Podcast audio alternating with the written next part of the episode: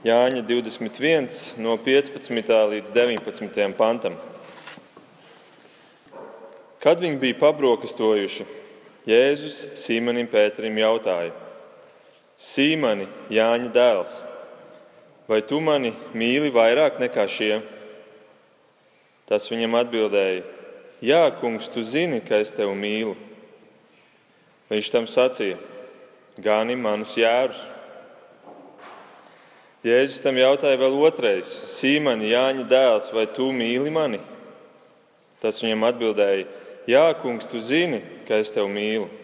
Viņš tam sacīja: Gāni manas avis. Trešo reizi Jēzus tam jautāja: Sīmani, Jāņa dēls, vai tu mani mīli? Pēters noskuma, ka viņš tam trešo reizi jautāja, vai tu mani mīli. Un viņam sacīja: Kungs, tu zini visu, tu zini, ka es tevi mīlu. Jēzus tam sacīja: Gani manas avis. Patiesi, patiesi es tev saku, ka tu biji jauns, tu apjozies un gāji, kur gribēji, bet, kad tu kļūsi vecs, tu izstiepsi savas rokas, un cits tevi jozīs un vedīs, kur tu negribi. To viņš sacīja, norādīdams uz to, kādā nāvē Pēters pagodinās Dievu. Pēc tam Jēzus viņam sacīja: Seko man! Mīļais debes Tēvs, paldies par šo dienu! Paldies par katru, kurš ir šodien šajā dievkalpojumā nācis, lai pagodinātu tevi, lai slavētu tevi un lai arī mācītos no tava vārda. Lūdzu, labais gans pabaro mūs katru šajā rītā ar savu vārdu. To mēs lūdzam Jēzus vārdā. Āmen. Lūdzu, sēdieties.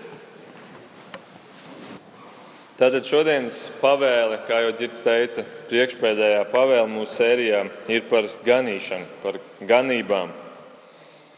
Bet šī pavēle neveidojas tādā vakumā, tā neizaug no nekā, bet Patiesībā tā ir sekas kādai daudz augstākai tēmai.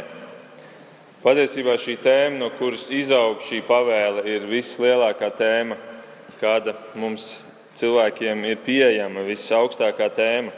Ja es tev jautātu, kas ir tas vērtīgākais, ko cilvēks dzīvē spēj aizsniegt, kas ir tas augstākais mērķis, tā cēlākā lieta, ko mēs katrs dzīvē varam sasniegt? Kas ir tas, ko mēs latīniski sakot, sakam, summum bonum, tas augstākais labums, ko cilvēks spēj dzīvē sasniegt. Varbūt mēs kā kristieši teiktu, nu, tā ir ticība Dievam, tā ir atziņa, ka Dievs ir, un, un tā ir šī ticība, kas padara mūs par kristiešiem. Varbūt kāds cits teiktu, ka tā ir cerība, cerība par to, ka šī ir dzīve nebeigsies tāpat vien, bet būs mūžība kopā ar Dievu, mūžība kopā debesīs. Cerība. Un, jā, protams, šīs abas lietas ir ļoti svarīgas un arī saistītas, um, bet ir vēl kāda lieta, kas Bībeles valodā runājot, uh, ja Bībele saka, ka tā ir vēl augstāka par šīm lietām, ka tā ir tā lieta, kas ir visaugstākā. Un Pāvils korintiešiem raksta, ka par ticību un cerību augstāka ir mīlestība. Mīlestība ir tas pats augstākais mērķis, ko cilvēks spēj sasniegt. Un ne tikai kaut kāda mīlestība, bet agape mīlestība, kas ir dieva mīlestība. Dievs Bībelē saka, ka viņš pats ir mīlestība, ka viņš ir mīlestība. Un šodienas rakstvieta mūs vēd kāda svarīga jautājuma priekšā. Un tas ir šis jautājums, ar kuru mēs tiekam konfrontēti. Vai mēs mīlam, vai mēs sasniedzam to augstāko mērķi, ko mēs kā cilvēki spējam sasniegt? Vai mēs mīlam šo mīlestību, Dievu? Vai mēs mīlam patiesi? Un, un Jānis arī lūkšanā to labi pieminēja, ka mēs esam tik daudz kur iesaistīti un arī tādā garīgā ziņā esam kalpošanās iesaistīti ar draugu dzīvi, vis kaut kur, bet jautājums ir, vai mēs caur tam visam esam šajā, šajā augstākajā, lielākajā jēgā, šajā mīlestībā. Un es domāju, ne tikai ar vārdiem vai ar mūsu domām, bet ar darbiem, vai mēs mīlam ar darbiem. Jo mēs katrs kā kristieši esam teikuši, es mīlu Dievu, es mīlu Kristu. Bet Jēzus šodienas tekstā šim teikumam, es mīlu Dievu, pieraksta klāt vēl kādus vārdus. Ka, ja tu tiešām mani mīli, tad dari. Dari ko? Dari to, ko mēs šodien lasām Dieva vārdā. Un šodienas teksts mums parāda kādu cilvēku dzīvi, ar kuru mēs varam salīdzināt savu dzīvi. Viņš parāda kādu cilvēku mīlestību, ar kuru mēs varam salīdzināt savu mīlestību. Un tas cilvēks ir Pēters. Mazliet varbūt paskatoties to kontekstu, kur mēs arī lasījām ievadā, Girts lasīja ievadā pirmos 14 pāntus, tad mēs redzam, ka ir šis īpašais Kristus dzīves starposms pēc Golgātas, bet pirms um, debesu braukšanas dienas, jeb, jeb pirms Kristus um, pamet šo, šo zemi. Un, uh, tas ir tāds brīdis, kurā mācekļi ir diezgan lielā apjukumā par visu to, kas ir bijis, par, par, par to, kā, kā, ko, kādas cerības viņi lika uz Kristu un uz ko tas beigās aizveda. Un, um, Kristus ik pa laikam ir parādījies pēc augšām celšanās viņiem, bet ar visu to viņi ir, viņi ir apjukuši. Viņi pat neatpazīst Kristu visas šīs reizes. Un tas varbūt arī kaut ko pastāsta par šo pārveidoto miesu, kādā Kristus ir augšām celts ka viņi pat neatpazīst savu kungu. Un uh, viena no šīm reizēm ir arī pie Tiberijas jūras, ko mēs šeit lasījām. Un interesanti pazīme ir tā, ka Pēters šeit atgriežas atpakaļ savā, varētu teikt, vecajā dzīvē. Viņš atgriežas pie tā, ko viņš iepriekš darīja. Viņš atgriežas savā vecajā darbā, viņš dodas zvejot zivis.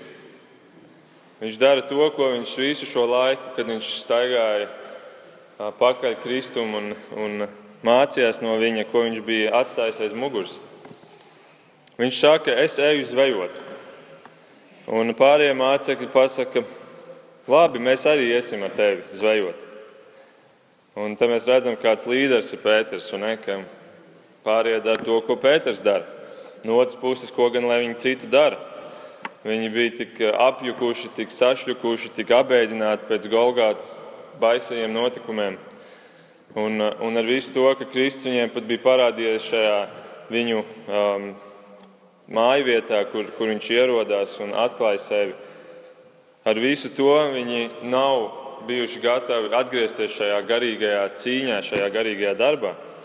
Nē, tā vietā Pēters izdomā, ka viņš ies atpakaļ zvejā, viņš dodas zvejot. Viņš atgriež, atgriež savā biznesā. Un, eh, kā mēs redzam, kāds ir rezultāts? Rezultāts ir tāds, ka viņi neko nenoķēra. Te nav rakstīts, ka viņi maz noķēra zivju, bet viņi neko nenoķēra. Tas ir ļoti neparasti, ja mēs zinām, ka Pēters ir uzaudzis un bijis zvejnieks. Un, Un, uh, viņam brālis ir zvejnieks, un viņi noteikti šeit ir zvejojuši entās reizes ļoti bieži. Viņi zina, kur un kā zvejot un kur meklēt zivis. Bet šajā reizē viņam nekas neizdodas. Un tad ierodas kungs, un viņš jautā no krasta, bērni, vai jums ir kas ēdams? Un viņiem noteikti bija grūti šo atbildi pārliest pāri lūpām un teikt nē. Diezgan pazemojoši tādiem zvejniekiem, ka Viņi visu nakti ir zvejojuši, un viņiem nav, nav, ko, nav rezultāta šim darbam. Un tad Jēzus pasaka, iemetiet tīklu laivas otrajā pusē. Un viņi to izdara, un viņi noķer tik daudz zivju, ka gan arī stīkli plīst puši. Patiesībā viņiem vajadzēja pārplīst, kā mēs nojaušam no šī teksta, bet viņi brīnumainā kārtā nepārplīst. Un, Un tā mācība šim notikumam ir cieši saistīta ar to tekstu, ko mēs šodien lasām. Mēs redzam, ka Jēzus dēļ zivis neķērās šiem mācekļiem, un Jēzus dēļ atkal sāka ķerties. Un reizēm Dievs pārtrauc svētīt cilvēka laicīgo darbu, lai vestu viņu citā zvejā. Reizēm Dievs pārtrauc svētīt cilvēka laicīgo darbu, lai vestu viņu uz citiem zveju laukiem, jeb medību laukiem. Un tieši tas ir šodienas raksturvietā. Jēzus uzrunā tagad Pēteru, un šī lielā doma ir, ka beidz zvejot šīs laicīgās zivis un sāc ganīt garīgās avis. Beidz zvejot laicīgo un sāc ganīt to, kas ir garīgs. Iegūt laiku, laiku tajā, kas ir mūžīgs, kas ir paliekošs, nevis tajā laicīgajā, kas, kas iznīkst. Un tā nu šodienas šo raksturvietu, šo sarunu ar Pēteru vēlos sadalīt trīs daļās. Sākumā apskatīsimies, kādi ir šie Jēzus jautājumi, tad aplūkosim Pētera atbildes, un tad paskatīsimies, ko Jēzus pievieno klāt kā prasību Pētera atbildēji. Tātad Jēzus jautājumi. Jēzus uzrunā Pēteri ar vārdu Sīmani Jāņa dēls. Atceramies, ka Jēzus patiesībā Pēterim bija devis jaunu vārdu. Vārds bija Kēfa. Bet Jēzus viņu uzrunā vecajā vārdā. Mēs varētu teikt, ka Jēzus, jeb, jeb ar Jēzus nodošanu Pēters bija pazaudējis un atkāpies no šīs jaunās identitātes. Mēs varētu teikt, ka Jēzus uzrunā šo veco cilvēku, šo veco Pēteru. Un viņš visas trīs reizes saka, Sīmani, Jāņa dēls. Un tad viņš jautā, vai tu mani mīli vairāk nekā šie? Un ja mēs tā palasām, man liekas, ka tā, tā pirmā sajūta vismaz man ir, ka, ka tas ir ļoti neparasts jautājums, ļoti neparasts veids, kā uzrunāt cilvēku, kuram blakus ir, ir vēl citi cilvēki, kur tu salīdzini viņu ar visiem pārējiem, kur tu saki, vai tu mīli vairāk nekā šie pārējie? Ja es pajautātu saviem, vienam no saviem dēliem, vai tu mīli mani vairāk nekā, nekā abi pārējie, tad es domāju, ka tas neradītu pārāk labu augsni tālākai sarunai. Ja ir klāts vismaz otrs mans dēls, kurš to dzird. Un atceramies, ka šajā brīdī ir klāta Pēterim arī šie pārējie mācekļi, kas tur bija uzskaitīti, kuri visu to dzird.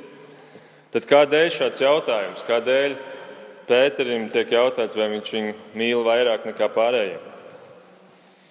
Un tā atbilde visticamāk ir tā, ka šī saruna ir turpinājums kādai sarunai, kas bija Jēzum ar Pēteri pāris nedēļas atpakaļ. Tā bija saruna, kas notika īsi pirms Jēzus nodošanas. Jūdas rokās. Un mēs šajā sarunā varam no Marka 14. nodaļas lasīt, ka Jēzus sacīja saviem mācekļiem: Jūs visi apgrēkosieties, jo ir rakstīts, es ganu sitīšu un avis tiks izklīdinātas. Tad Pēters viņam sacīja: Ja arī visi apgrēs, apgrēkosies, es gan nē. Tiešām Pēters. Mēs ļoti labi zinām, kā tas viss beidzās. Visi aizmuka un patiesībā būtu bijis labāk, ka Pēters arī būtu aizmucis viņiem līdzi. Bet nē, viņš sekoja Jēzum, bet beigās viņš nodeva Jēzu un aizliedz trīs reizes. Trīs reizes viņš praktiski pateica cilvēkiem sejā: Es Jēzu nepazīstu. Redzēt, un Pēters toreiz visu priekšā solīja, ka viņš mīlēs Jēzu vairāk nekā pārējie. Tad, kad pārējie nemīlēs Jēzu un pametīs, tad tomēr es mīlēšu. Un tagad Jēzus savā ziņā atgriežas pie šīs sarunas. Pēter, vai tu tiešām mīli mani vairāk nekā šie? Un viņš uzdod Pēterim šo jautājumu, par, vai, vai, mīl, vai viņš mīl viņu trīs reizes. Un es ticu, ka trīs reizes tādēļ, ka ka Pēters nodeva Jēzu trīs reizes. Tie ir tā kā tāda, tāda dzēžgumija, tu visas šīs trīs reizes izdzēs ārā un tu vērs, vērs par labu katru no šīm nodevības reizēm. Bet tas mums māca arī par, par Jēzu, par viņa žēlastību. Jo savā ziņā mēs varētu teikt arī, ka Jēzus varēja atnākt tajā dienā, tur Tiberijas jūras krastā, un, un, un pirmo reizi konfrontēt Pēteri un teikt, tā, Pēter, kas tur notika toreiz tajā dienā? Kas tas bija par gājienu? Kā tu varēji man tā pamest, kā tu varēji man noliegt, kā tu varēji nostāties pret mani, pagriezt man muguru. Patiesībā man vairs nekāda iemesla nav ar tevi vispār runāt. Bet tā vietā Jēzus uzreiz uzņemās iniciatīvu un cenšas vērst par labu šo lietu. Jēzus ir tas, kurš uzņemās šo iniciatīvu. Viņš arī varēja gaidīt, lai Pēters tagad sāk savu atvainošanās runu. Bet Jēzus nāk ar šo iniciatīvu. Viņš uzsāk risināt šo lietu. Un reizēm cilvēki mēdz teikt, ka es esmu Dievu nodevis, es esmu kaut ko tādu izdarījis, kas, kur vairs atpakaļ ceļa nav. Bet ja šie cilvēki tajā pašā dienā satiktu Jēzu vaigu vaigā, tad Jēzus viņiem darītu tieši to pašu, ko Pēterim. Viņš uzsāktu labot šo lietu, viņš, viņš būtu tas, kurš izrādītu iniciatīvu, lai atrisinātu to. Jēzus mīl žēlastību, un tā viņš arī rīkojās ar Pēteri. Un tā vietā, lai norakstītu Pēteri kā nodevēju, viņš, viņš risina šo lietu un viņš uzdod jautājumu, vai tu mīli mani, Pēteri?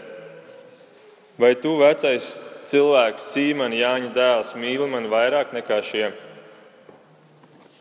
Es tev dodu otro iespēju pierādīt to. Un patiesībā ne otro iespēju, bet vismaz ceturto iespēju zinot, ka tu trīs reizes mani aizliedz. Trīs reizes tev bija iespēja pateikt cilvēkiem, ka es mīlu Jēzu. Un tāds ir mūsu kungs. Viņš apžēlo atkal un atkal un atkal. Viņš apžēlo, ja mēs patiesi nožēlojam, un ja mēs vēlamies vērst par labu, un ja mēs nākam pazemībā pie viņa. Un interesanti ir aplūkot Pētera reakciju apskatīties viņa atbildes, jo tajā mēs redzam šo pazemību. Tātad Pētera atbildes. Pēters trīs reizes atbild, ka viņš mīl Jēzu. Un tas varbūt mūs nepārsteidz, jo mēs to esam lasījuši tik bieži, mēs zinām šo stāstu.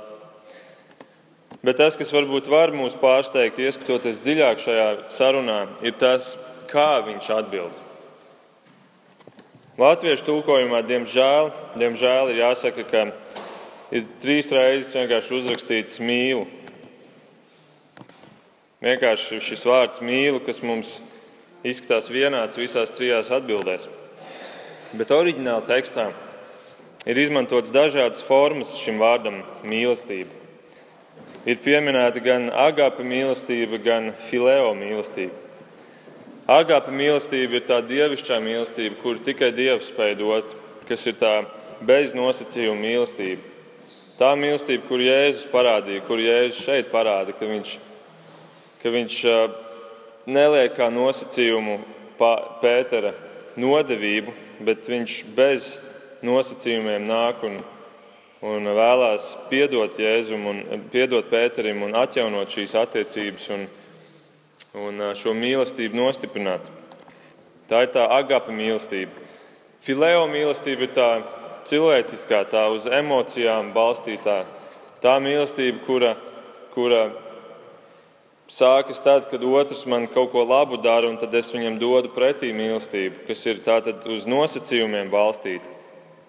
Tā ir tā mīlestība, kas apzīmē pieķeršanos draugam, jo man patīk šis cilvēks, un tāpēc, tāpēc es viņu varbūt mīlu. Mēs varētu teikt, ka agape mīlestība ir tā patiesā mīlestība. Savukārt fileo mīlestība ir drīzāk tāda patikšana, simpātijas. Agape mīlestība ir tā, kas ir pieminēta 1. korintiešiem 13, kur ir runa par to augstāko, cēlāko lietu, ko cilvēks var sasniegt šo mīlestību. Savukārt šis vārds fileo ir izmantots pat tad, kad jūdas nāk un skūpsta jēzu. Šis vārds skūpsts ir patiesībā tas pats vārds, um, tā pati fileo sakne, kur, kur it kā ar skūpstu tu parasti apzīmē kaut ko skaistu, mīlestību, bet šeit tā ir tāda viltus mīlestība, kuru jūdas izrāda. Un tagad paklausieties, tātad Jēzus jautā, Šajā pirmajā reizē viņš jautā, vai tu mīli mani ar agape mīlestību? Un Pēters atbild, jā, es tevi mīlu, bet ar fileo mīlestību. Citiem vārdiem sakot, Sīmani, vai tu mani mīli? Jā, Jēzu, tu man patīc. Sīmani, vai tu mani mīli? Jā, Jēzu, tu man patīc. Tāda ir tā patiesā nozīme šai, šai Pētera atbildē. Viņš neatbild ar to pašu agapu mīlestību. Un pirmajā brīdī varbūt šķiet, Pēter, tu esi bezkauņa. Tagad mēs tiešām zinām, ka tu tiešām nemīli Jēzu. Bet es ieteiktu ieraudzīt kaut ko citu šajā Pētera atbildē. Pēters apzinājās, protams, kāda ir bijusi viņa pagātne. Viņš apzinājās, no kurienes viņš ir nācis un kāda viņam ir izgāšanās aiz muguras. Un viņš apzinās, ka viņš visu priekšā bravūrīgi toreiz pateica, ka viņš mīlēs Jēzu vairāk par pārējiem. Un tad viņš nodeva Jēzu vēl vairāk cilvēku acu priekšā, un, un tas viss bija tik, tik publiski. Un, un, un to visu apzinoties, viņš tagad negrib pieļaut vēlreiz to pašu kļūdu. Un tādēļ viņa atbildi ir piezemēta. Un, un savā ziņā viņš saka, Jēzu, tu man jautā, vai es mīlu tevi ar šo dievišķo beznosacījumu mīlestību. Nē, es tevi nemīlu ar, ar beznosacījumu, es tevi mīlu ar šo nepilnīgo cilvēcīgo mīlestību, kuru, kuru es tikai spēju dot tev. Un tas apbrīnojamais šajā visā ir tas, ka Jēzus pirmās divas reizes jautā, vai tu mīli mani ar agape mīlestību? Un Pēters katru reizi atbild nē ar filēo mīlestību. Bet trešajā reizē Jēzus nokāpj uz šo Pētera līmeni un jautā, vai tu mīli mani ar filēo mīlestību? Un Pēters, mēs redzam, noskumst. Jā, viņš noskumst tādēļ, ka Jēzus trešo reizi viņam jautā. Bet es ticu, ka viņš arī noskumst tādēļ, ka Viņš redz, kā Jēzus nokāpj uz, uz viņa līmeni lejā. Varbūt, varbūt Jēzus vairs neliek cerības manī. Tagad Jēzus man vairs nejautā, vai es mīlu tevi, ar, vai tu mīli mani ar agapu mīlestību, bet ar šo, šo cilvēcīgo mīlestību. Un atkal, varbūt uz pirmo tādu acu uzmetienu liekas, ka, ka tas ir skumīgi, ka Jēzus tagad nokāpja vienu līmeni zemāk un, un vairs necenšas Pēteru konfrontēt ar šo augsto cēlo mīlestību. Bet es domāju, Jēzus ar to arī parāda, ka viņš saka, ka es tevi saprotu, Pēter. Es tevi saprotu, ka tu vēlies, bet tu nespēji aizsniegt pilnību. Es tevi saprotu, Markus. Es tevi saprotu, Girt un katru, kurš jūs šeit esat. Es tev saprotu, ka tu vēlies, bet ka tu to nespēji, ka tu nespēji aizsniegt šo pilnību. Un ka tu esi iespējams izgāzies bieži savā dzīvē. Varbūt pat tu arī esi aizliedzis Jēzu savā dzīvē. Varbūt tu esi grēkojis pret Jēzu, bet, bet viņš piedod un viņš neprasa iet pāri šīm, šīm spējām, šīm robežām. Un Jēzus varētu teikt, viņš saka, ka, ja tu nespēji mīlēt mani pilnīgi, neatņemt cerību, neatmet cerību sevi. Un tā nu Kristus sāk ar šo filēo mīlestību. Un viņš nokāpj uz Pētera līmeni, un, un viņš sāk ar šo filēo mīlestību. Sāc man mīlēt ar to, bet tiecies uz to agapu mīlestību. Un, Un es tev sūtīšu svēto garu, kurš būs tevī ar šo agapu mīlestību un kurš palīdzēs. Un tas ir tas, ko mēs kā kristieši pēc šīs sarunas ar, starp Jēzu un Pēteri, tad, kad svētais gars vēl nebija dots, mums viņš ir devis šo svēto garu. Šis svētais gars ir mūsos ar šo dievišķo mīlestību, un viņš palīdz mums. Un kaut arī mēs izgāžamies, un kaut arī mēs tik bieži nemīlam Kristu tā, kā mums vajadzētu, tomēr viņš piedod, viņš ir žēlsirdīgs. Tātad Pēters trīs reizes atbild, ka mīl, ka vēlas mīlēt. Un uz katru šo atbildi Jēzus dod vēl vienu atbildi, un viņš dod prasību. Tātad trīs prasības, kuras Jēzus šeit dod. Ja Pēters apgalvo, ka viņš mīl Jēzu, tad Jēzus pavēl: gani manas avis. Gani manas avis. Un tas tik labi pamato to domu, kas vijās cauri visai jaunajai derībai, ka patiesai mīlestībai uz Dievu vienmēr sekos darbi. Patiesai ticībai uz Dievu vienmēr sekos darbi. Tas nepaliks kā tāds iekšējs, neredzams jūtu um, kopums, ne, bet tas nāks uz āru, tas kļūs redzams darbos. Jēkabs rakstīja, ka ticība bez darbiem ir mirusi. Tātad tā ticība nemaz nav ticība. Viņa ir mirusi. Un vārdi vien vēl neapliecina šo patieso ticību, bet to apliecina darbi. Tā kā Jēzus Kalns svētdienā teica šos tik bieži šeit dzirdētos vārdus, ka daudzi tajā dienā man sacīs, ar vārdiem sacīs, kungs, kungs. Un tad es tiem apliecināšu, Es jūs nekad neesmu pazinis, nos no manis jūs ļauna darītāji. Te mēs redzam šo sacīšanu un šo darīšanu. Kāda tam ir atšķirība? Sacīšana vēl neko nenozīmē, arī Pēterim. Tas vēl neko nenozīmē. Un, un man arī ir vienalga, cik, cik bieži un skaļi tu varbūt dziedi par Kristu, vai runā par viņu, vai runā uz viņu. Bet, ja tava dzīve neapliecinās šo mīlestību ar darbiem, tad tu nevari būt drošs, ka tā ir mīlestība. Tad iespējams tu, tu saki, ka tu viņu mīli tādēļ, ka tev varbūt ir bail no, no mūžīgā soda vai kāda citu iemeslu dēļ. Un, protams, ka mēs nemī, nedaram tādēļ, lai mēs tiktu izglābti, bet mēs to darām tādēļ, ka mēs esam izglābti. Mēs to darām pateicības dēļ. Mēs to patiesībā darām tikai tādēļ, ka mēs spējam to darīt, jo mūsu Kristus ir padarījis dzīvus.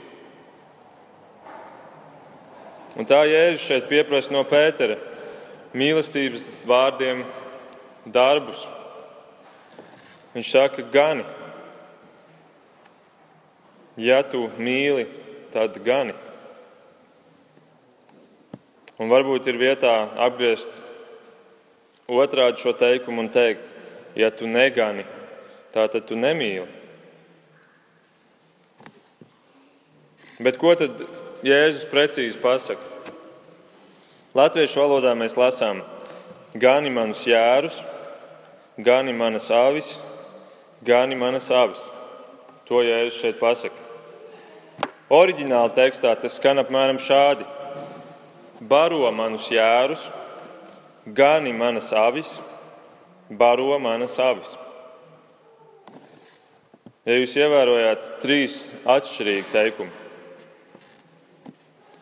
atšķirīgi teikumi, kuros mēs varam arī ieraudzīt kādu progresu. Pirmkārt, baro manus jērus, baro ar Dievu vārdu, ar šo pienu, kas ir Dieva vārds. Garo, baro garīgos bērnus. Šis pats Pēters vēlāk, 1. Pētera vēstulē 2.2. raksta, kā nu pat piedzimuši bērni augstiet pēc tīra, garīga piena, lai to baudot, jūs kļūtu pieauguši pestīšanai. Tātad, jebkurš jauns kristietis, kurš ir atgriezies un kurš sāk savu ceļu Kristus sekošanā. Viņam ir vajadzīgs, ka viņam kāds dod šo garīgo pienu. Un tas ir tas, ko Jēzus saka Pēterim, kurš jau ir nobriedis kristietis savā ziņā. Viņš saka, baro manus jērus. Pēc tam otrais teikums ir gani manas avis. Te vairs nav runa par jāriem, bet par avīm. Tā tad jau par kristiešiem ar briedumu. Gani. Ko nozīmē ganīt?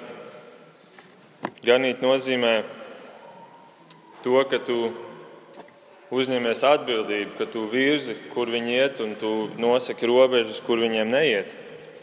Tātad savā ziņā gāni pasargā tos briedušos kristiešus. Un tad trešais baro manas avis. Un te ir tā pati barošana. Baro ar dievu vārdu, bet nu jau ar cieto barību, kā mēs Bībelē lasām. Ar cieto barību tos briedušos kristiešus. Tad ir trīs funkcijas šai ganīšanai.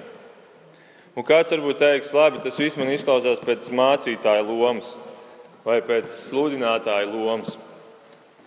Un jā, protams, primāri tas arī ir viņu uzdevums, tas ir no visiem viņu uzdevumiem, tas var būt primārais uz, uz, uzdevums. Bet vienlaikus es gribu teikt, ka kaut arī Jēzus šo saka Pēterim, kurš ir līderis, tomēr mēs katrs, mūsos katrā ir šāds mazs līderis iekšā. Mēs katrs esam līderis, katrs, kurš ir kristietis, ir līderis.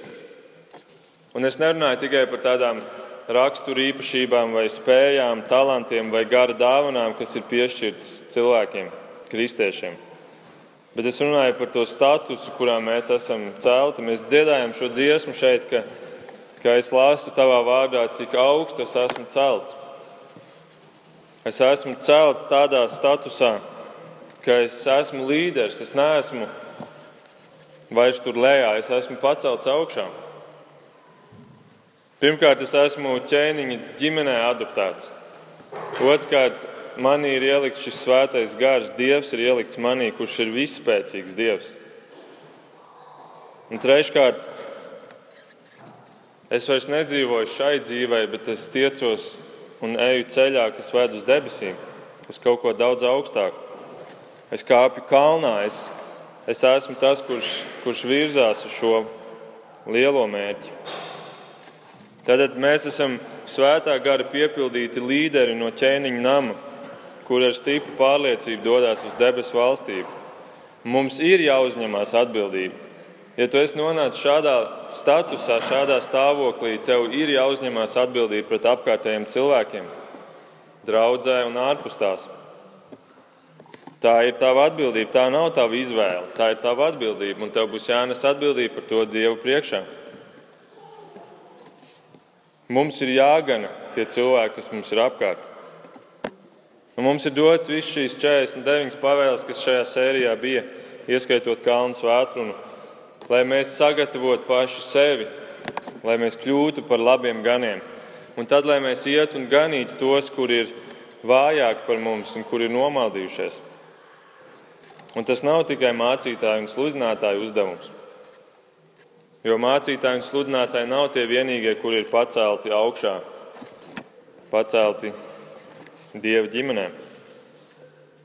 Un kas notiek tad, ja mēs to nedarām, ja mēs nepildām šo funkciju? Mēs, kur esam ielikti dažādās vietās, dažādās sabiedrības grupās, dažādās vecuma grupās, kur iespējams nav daudz cilvēku apkārt, kuri var dot šo ietekmi. Un ja mēs to nedarām, kas notiek? Ar šiem cilvēkiem. Noteikti tas, ka viņi paši sevi gana. Tas varbūt nemaz neizklausās tik satraucoši šajā mūsdienu postmodernajā sabiedrībā, kurā katram pašam ir izvēle darīt to, ko viņš grib. Taču patiesība ir tā, ka tas ir ļoti bīstami. Tas ir ļoti bīstams stāvoklis. Jūdas vēstulē 12. pantā ir runa par šiem cilvēkiem, par tādiem cilvēkiem, kuri paši sevi gana. Paklausieties! Bet šie cilvēki zaimo to, ko nezina, un ko tie dabiskā ceļā zina, kā mēmi kustoņi, tas tos ved pazušanā. Vai viņiem, jo viņi ir sākuši iet kaina ceļu, peļņas dzīti, viņi ir aizvilināti bilējām maldos, un iet bojā koras dumpī.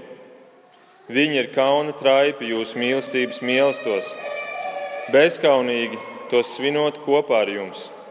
Viņi gana paši sevi.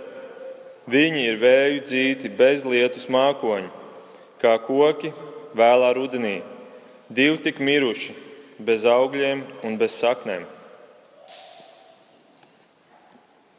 Redzēt, šeit ir runa par tiem, kuri māca arī maldus, bet šādā pašā veidā ganās paši vienatnē visi tie cilvēki, kuri, kuri netiek vadīti un ganīti no tiem, kurus Kristus ir iecēlis par ganiem.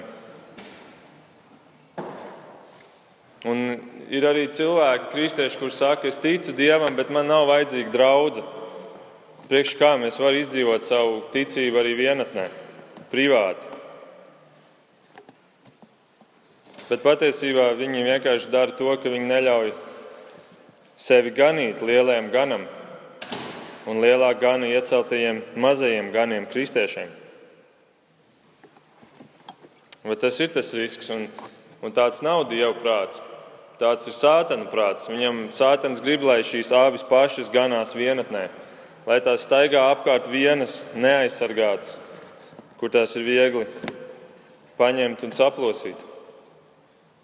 Un tādēļ Jēzus saka Pēterim, un viņš saka man, un viņš saka tev, kat, tev katram, kas esi šeit, ka gani manas āvis. Tas ir tavs pienākums, tā ir tava atbildība. Baro manus jērus, baro manas avis.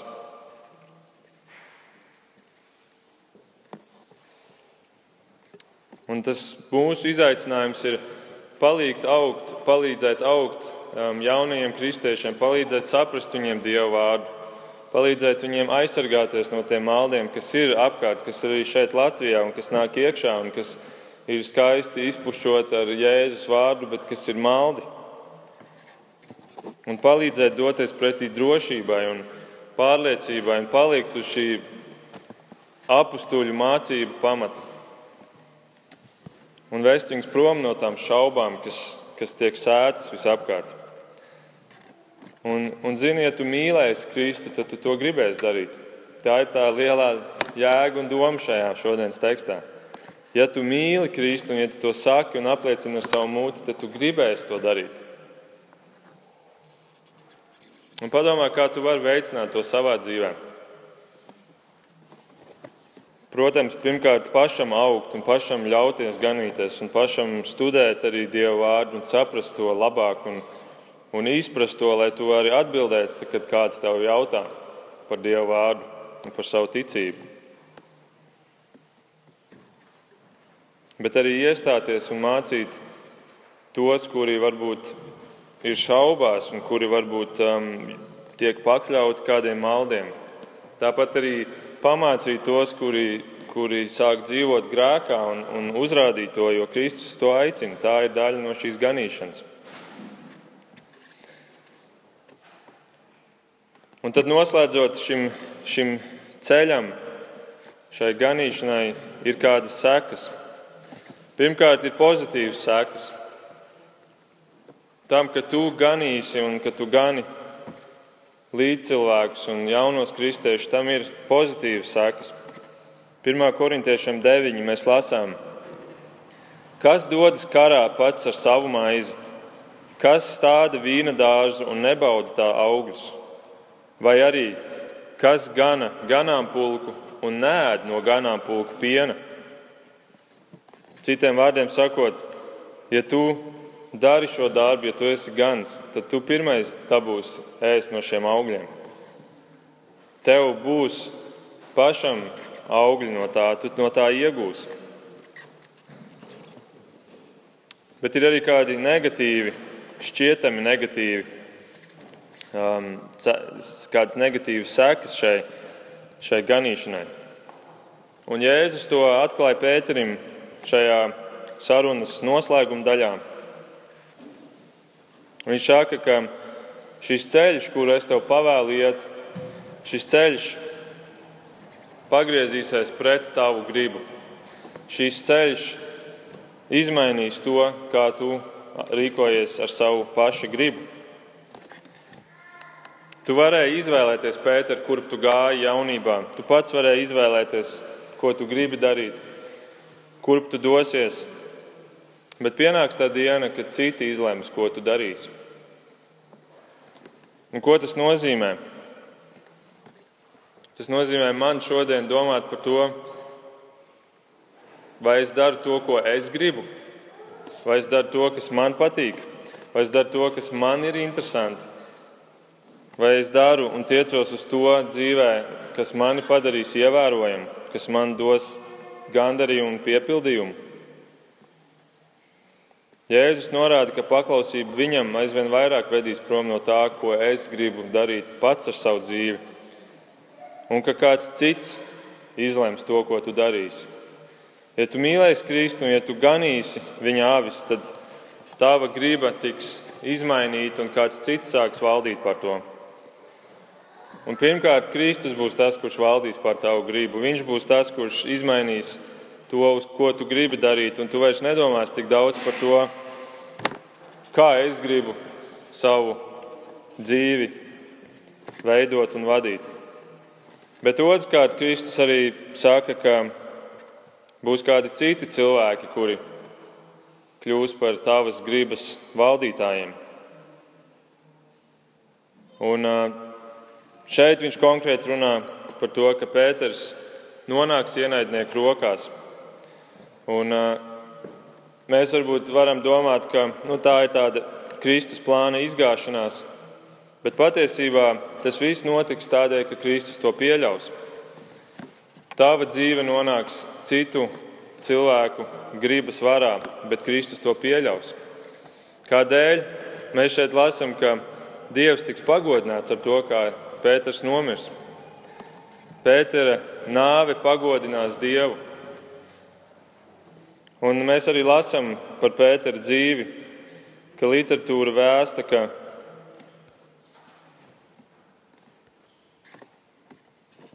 ka viņa dzīves beigās viņš nonāca pie tieši tāda paša krusta kā Kristus. Un, uh, es jau esmu kādā iepriekšējā svētdienā minējis, ka, ka tur viņš kopā ar savu sievu tika vests nā, savas, savu nāves sodu priekšā, un viņam vispirms bija jānoskatās, kā viņa sieva tiek piesista krustā. Un pēc tam viņu pašu piesita krustā, un pirms nāves viņš izlūdzās, lai, lai viņu sit kājām gaisā, tādēļ, ka viņš negrib mirt tā, kā viņa kungs ir miris, jo viņš nejūtās cienīgs. Un tāds bija šis Pēters, kurš Dievs paņēma viņa dzīvi un viņa gribu un izmainīja to, un viņš gāja, un viņš sludināja, un viņš darīja par mācekļiem, viņš tik daudz cilvēkiem palīdzēja aiziet, aiziet tur, kur cilvēks saņem godības vainagu, kas paliek mūžīgi. Un tie bija Pētera augļi. Viņa griba tika izmainīta, bet viņš, viņa dzīve kļuva par instrumentu Dieva rokās, kuru Dievs varēja tik ļoti efektīvi lietot.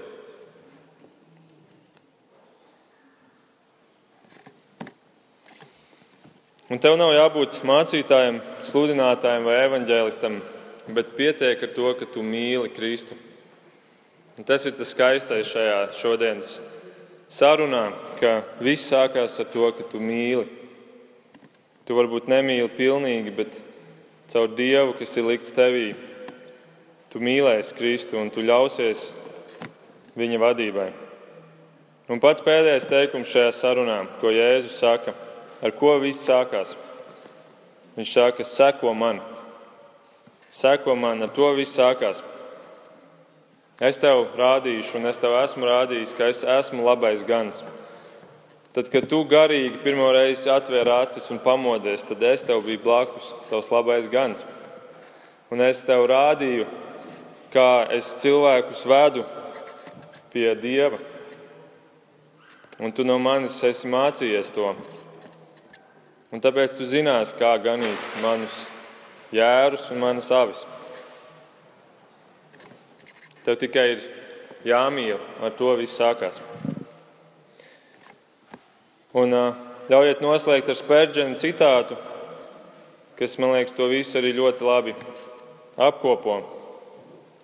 Viņš teica tā: Tiklīdz kāds cilvēks atrod Kristu, viņš sāk atrast citus. Tiklīdz kāds cilvēks atrod Kristu, viņš sāk atrast citus. Lūksim Dievu!